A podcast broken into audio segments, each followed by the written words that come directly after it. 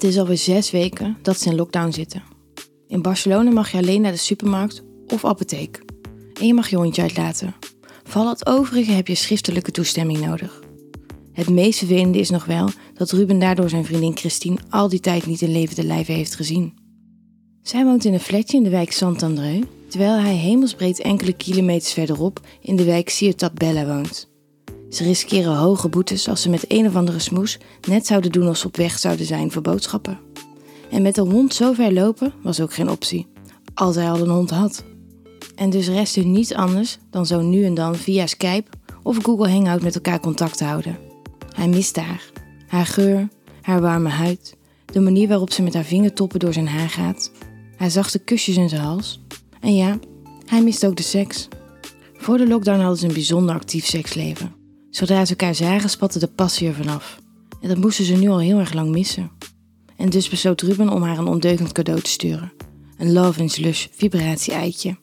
Hij liet het bij haar thuis afleveren. Voor zichzelf kocht hij een WeVibe Vector prostaatmassageapparaat. Beide speeltjes kun je namelijk op afstand met een app bedienen. Gisteravond hadden ze al even geskyped om de speeltjes en de apps met elkaar te laten synchroniseren. Dat was al heel hilarisch. Maar vanavond hadden ze afgesproken om de speeltjes ook echt te gaan gebruiken. Daarvoor had hij een Google Hangout gepland. Wat ze niet wist, was dat hij een verrassing in petto had. Toen de verbinding tot stand was gekomen, zag Ruben dat ze allebei de nodige voorbereiding hadden getroffen. De gordijnen waren dicht, het licht was gedempt en ze had een heel vrij lingerie aangetrokken. God, wat was ze mooi. Heb je het eitje bij de hand? vroeg hij. Ze antwoordde niet. In plaats daarvan kantelde het scherm een beetje en leunde achterover.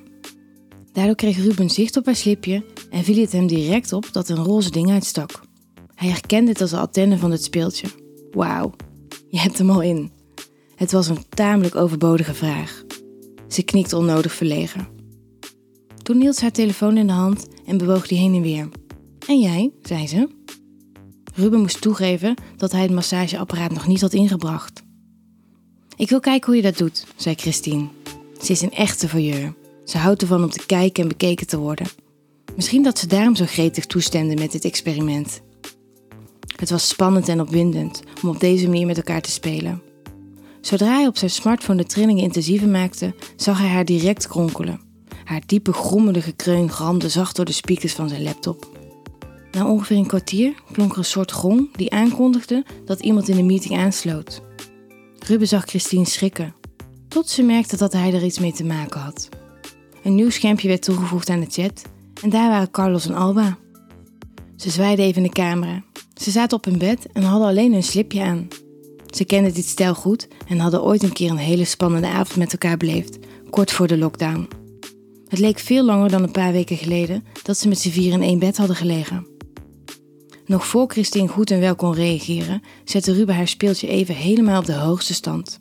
Het had onmiddellijk de gewenste uitwerking. Ze kronkelde en haar bekken begon ongecontroleerd te schudden. Carlos en Alba lachten. Nice, zeiden ze vrijwel in koor. Dit was kennelijk hun teken om ook helemaal naakt te gaan. Even leek het of hij naar porno aan het kijken was op het web. In twee verschillende videoschermpjes zag hij extreem geile amateurporno. Maar hij realiseerde zich dat het zijn vriendin Christine was, die nu bijna klaar kwam, doordat hij op afstand haar speeltje bediende. En in het andere scherm zag hij hoe Alba's mond het forse geslacht van Carlos omvatte. Het werd een lange avond die hij zich nog lang zal herinneren. Sterker nog, Ruben denkt dat ze, als de situatie ooit weer wordt zoals voorheen, nog regelmatig op deze manier met anderen zullen afspreken. Wil jij nou meer spannende verhalen? Luister dan naar Charlie's Avonturen, een podcast van Easy Toys.